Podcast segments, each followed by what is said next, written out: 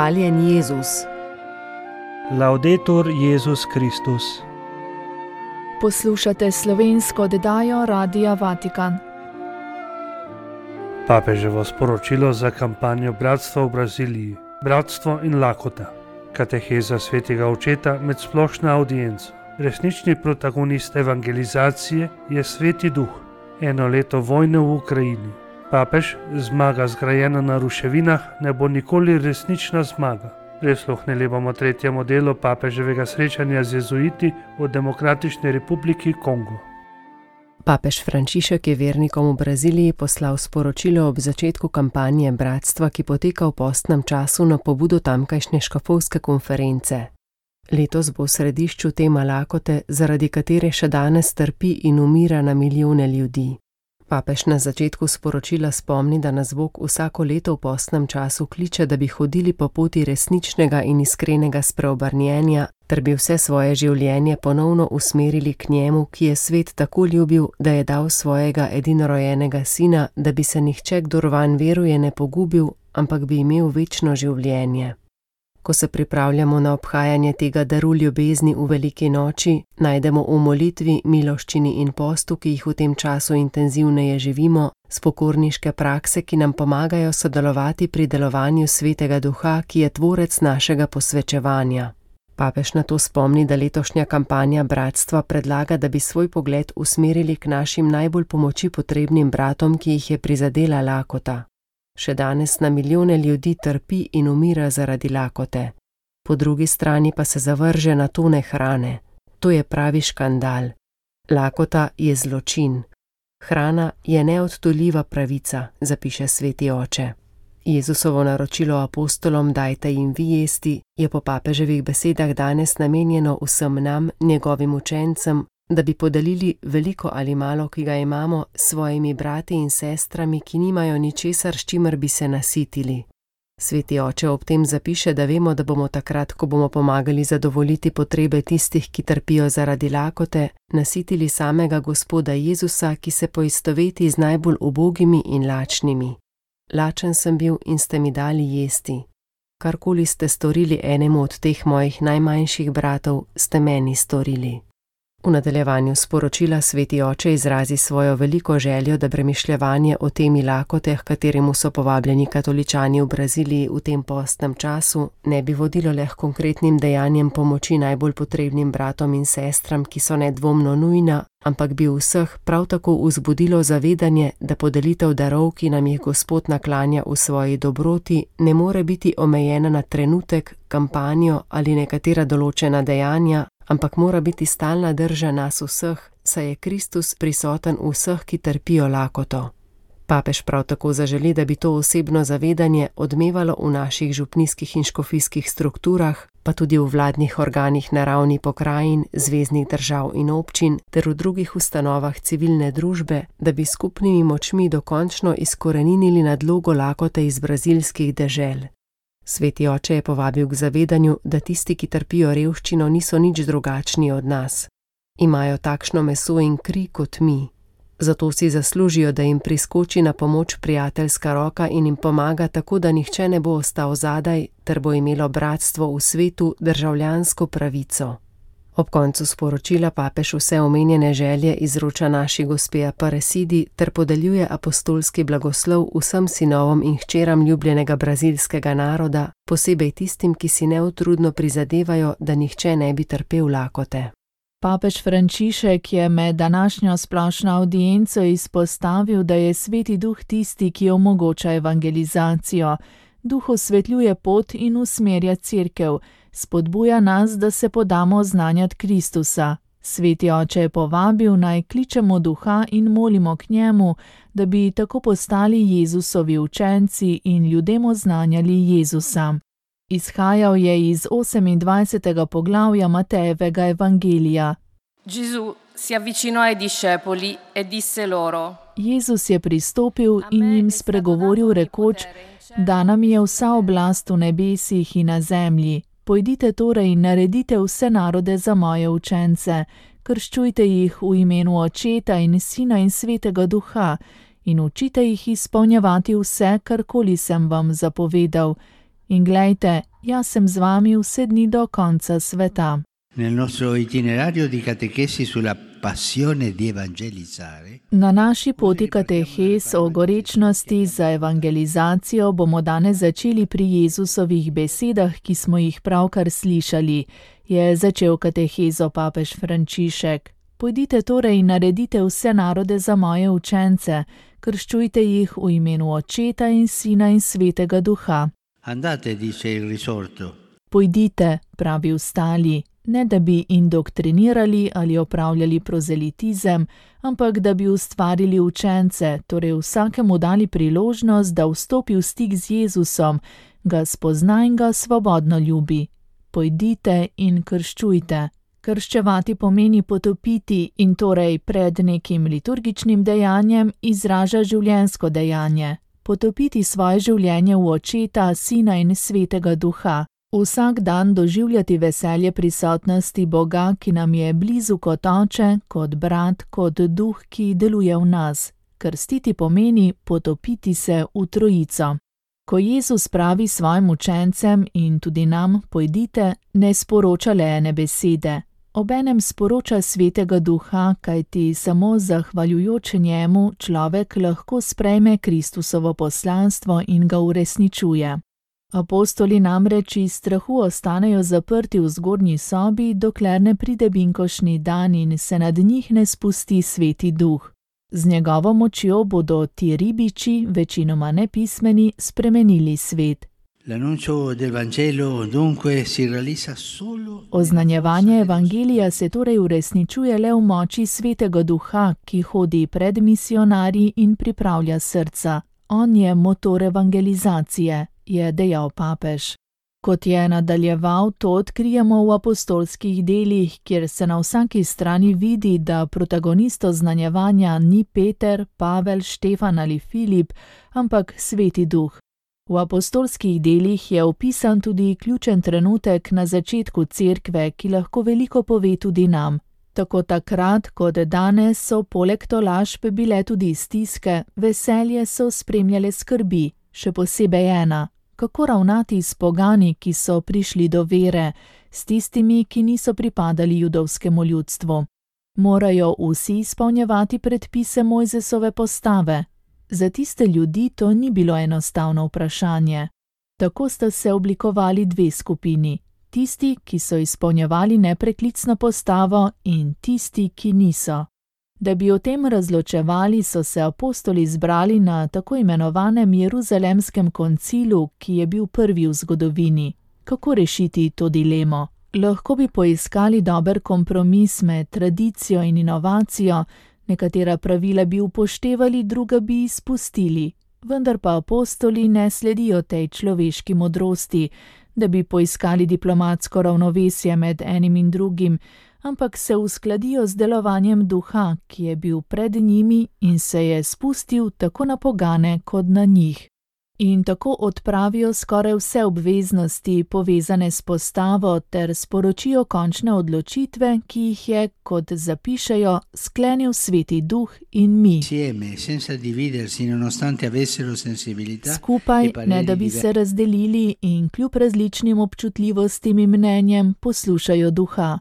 On pa uči nekaj, kar velja tudi danes. Vsako versko izročilo je koristno, če olajša srečanje z Jezusom, je izpostavil Frančišek. Lahko bi rekli, da je zgodovinsko odločitev prvega koncila, od katere imamo korist tudi mi, spodbudilo neko načelo, to je načelo oznanjevanja. Vse v cerkvi mora biti prilagojeno zahtevam oznanjevanja evangelija, ne mnenjem konzervativcev ali progresistov, ampak dejstvu, da Jezus doseže življenje ljudi. Zato je treba vsako izbiro, uporabo, strukturo in tradicijo ovrednotiti glede na to, koliko podpira oznanjevanje Kristusa. Papež je pripomnil, da ko v cerkvi pride do ideoloških razlikovanj, se je treba vprašati, kje je sveti duh. Bodite pazljivi, je posvaril, kajti evangelij ni neka ideja, evangelij ni ideologija. Evangelij je oznanilo, ki se dotika srca in spremeni srce, a če se zatekaš k ideji, ideologiji, pa naj je desna ali leva ali sredinska, Iz evangelija narediš politično stranko, neko ideologijo ali klub. Evangelij ti vedno daje svobodo duha, ki deluje v tebi in te vodi naprej. Kako zelo potrebno je danes vzeti v roke svobodo evangelija in se pustiti, da nas vodi duh, je zatrdil papež. Duh tako osvetljuje pot cerkve in to vedno. On ni le luč srca, ampak je luč, ki usmerja cerkev, prinaša jasnost, pomaga razlikovati in razločevati, zato ga je treba pogosto klicati. Facciamolo anche oggi, all'inizio della Quaresima. Storimo to tudi danes, na začetku postnega časa, kajti kot cerkev lahko imamo dobro določene čase in prostore, dobro organizirane skupnosti, inštitute in gibanja, a brez duha vse ostane brez duše. Organizacija ne zadostuje, duh je ta, ki cerkvi daje življenje. Če ga cerkev ne moli in ne kliče, se zapre vase v sterilne in izčrpljujoče razprave, utrujajoče polarizacije, medtem pa plamen poslanstva ugaša. Zelo žalostno je videti cerkev, kot da bi bila zgolj parlament. Cerkev je vendar nekaj drugega. Cerkev je skupnost moških in žensk, ki verujejo in oznanjajo Jezusa Kristusa, a spodbuja jih sveti duh in ne lasni razlogi uporablja se razum, ki pa je osvetljen in spodbujen strani svetega duha. Duh nas sili, da gremo ven, spodbuja nas k oznanjevanju vere, da bi nas potrdil v veri, spodbuja nas, da se podamo v misijon, da bi ponovno spoznali, kdo smo. Zato apostol Pavel priporoča: Duha ne ugašajte. Pogosto molimo k duhu, je povabil sveti oče, kličimo ga, vsak dan ga prosimo, naj v nas prižge svojo luč. To storimo pred vsakim srečanjem, da bi postali Jezusovi apostoli pri ljudeh, ki jih bomo srečali. Ne ugašajmo duha, ne v krščanskih skupnostih, ne v sebi. Ob koncu kateheze je papež Frančišek povabil naj kot crkev vedno začnemo pri svetem duhu, Nedvomno je pomembno, da pri pastoralnem načrtovanju izhajamo iz socioloških raziskav, analiz, seznama težav, seznama pričakovanj in pritožb. Pa vendar je veliko bolj pomembno, da izhajamo iz izkušenj duha, to je pravi začetek.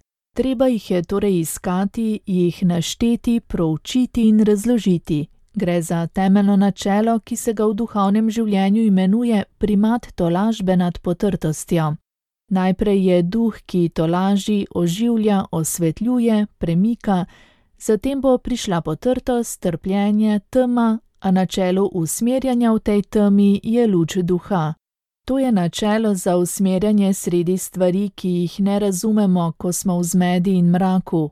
Vprašajmo se, ali se odpiramo za to luč, ji dajemo prostor, ali kličem duha, ali molim k duhu, ali pustim, da me usmerja on, ki me vabi, naj se ne zapiram, ampak prinašam Jezusa, pričujem primat Božje tolažbe nad potrtostjo sveta. Eh, naj nam Marija, ki je to dobro razumela, pomaga to razumeti, je še dejal sveti oče. Ob koncu splošne audience je papež spomnil, da bo v petek 24. februarja minilo leto dni, odkar je prišlo do napada na Ukrajino in se je začela ta absurdna in kruta vojna. Kot je dejal, število mrtvih, beguncev in izoliranih, uničenja ter ekonomska in družbena škoda govorijo sami zase. Potrà il Signore perdonare tanti crimini e tanta violenza? Naj Gospod odpusti toliko zločinov in toliko nasilja, on je Bog miru, je dejal in pozval naj ostanemo blizu mučenemu ukrajinskemu ljudstvu, ki še naprej trpi, ter se vprašamo, ali je bilo storjeno vse, kar je bilo mogoče za zaustavitev vojne. Pozivam vse, ki imajo oblast nad narodi, naj si konkretno prizadevajo za konec konflikta, za dosego prekinitve ognja in za začetek mirovnih pogajanj. Zmaga, zgrajena na ruševinah, ne bo nikoli resnična zmaga, je še dejal papež. Benedicat vos omnipotens Deus, Pater, Filius et Spiritus Sanctus. Amen. Predstavljamo tretji del pogovora papeža Frančiška z jezuiti, ki delujejo v Demokratični republiki Kongo. Z njimi se je srečal 2. februarja na nunciaturi v Kinshasi, kjer je bival med apostolskim potovanjem v tej afriški državi. Eden izmed jezuitov je spomnil, da področje reke Kongo, ki skupaj z Amazonijo predstavlja zelena ključa planeta, ogrožajo krčenje gozdov, onesnaževanje ter intenzivno in nezakonito izkoriščanje naravnih virov. Svetega očeta je vprašal, če meni, da bi bilo mogoče pripraviti tudi sinodo o tej regiji, tako kot je bilo za področje Amazonije. Papež je odgovoril, da je bilo na sinodi o Amazoniji govora o četverih sanjah, ki veljajo tudi za porečje Konga. To so družbene, kulturne, ekološke in crkvenostne sanje. Ravnovesje planeta je po njegovih besedah odvisno tudi od zdravja amazonskega in kongovskega bioma. Sveti oče je dodal, da sinode o Kongu ne bo, gotovo pa bi bilo dobro, če bi se škofovska konferenca sinodalno angažirala na lokalni ravni. Pri tem lahko uporabi ista merila, ki pa jih mora umestiti v konkretno stvarnost Konga. V nadaljevanju pogovora je beseda tekla o možnosti odpovedi petrinski službi, jezuite pa je prav tako zanimalo, če papež meni, da mora služba vrhovnega predstojnika družbe Jezusove ostati doživljenska.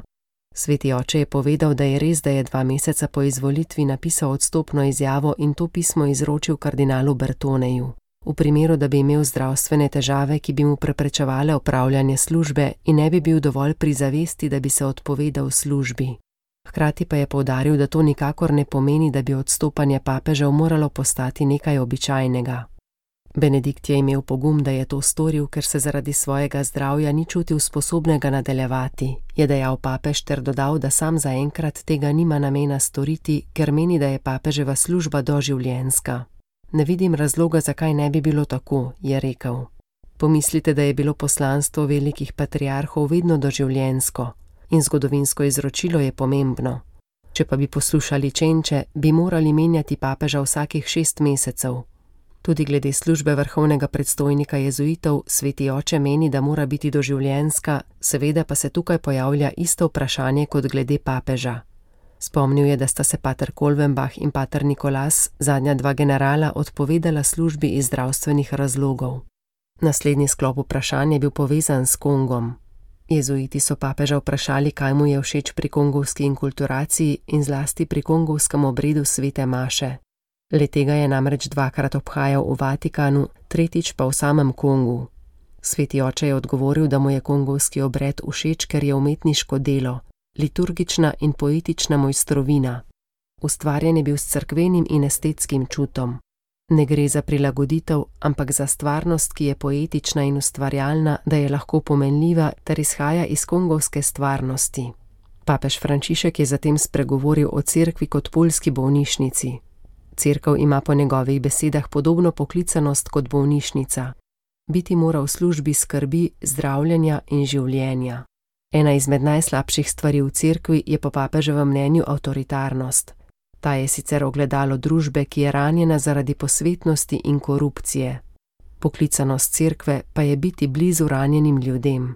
Danes je ta podoba še bolj aktualna, glede na vojni scenarij, ki ga doživljamo. Cerkev mora biti bolnišnica, ki gre tja, kjer so ranjeni ljudje. Cerkev ni multinacionalka duhovnosti. Poglejte svetnike. Potrebno je zdraviti, poskrbeti za rane, ki jih živi svet. Ob tem je papež jezuite povabil naj služijo ljudem. Beseda služiti je zelo ignacijanska. Ignacijansko geslo je vsem ljubiti in služiti. Hočem crkv služenja, je še dejal sveti oče v pogovoru z jezuiti v Demokratični republiki Kongo. Poslušali ste slovensko oddajo Radia Vatikan.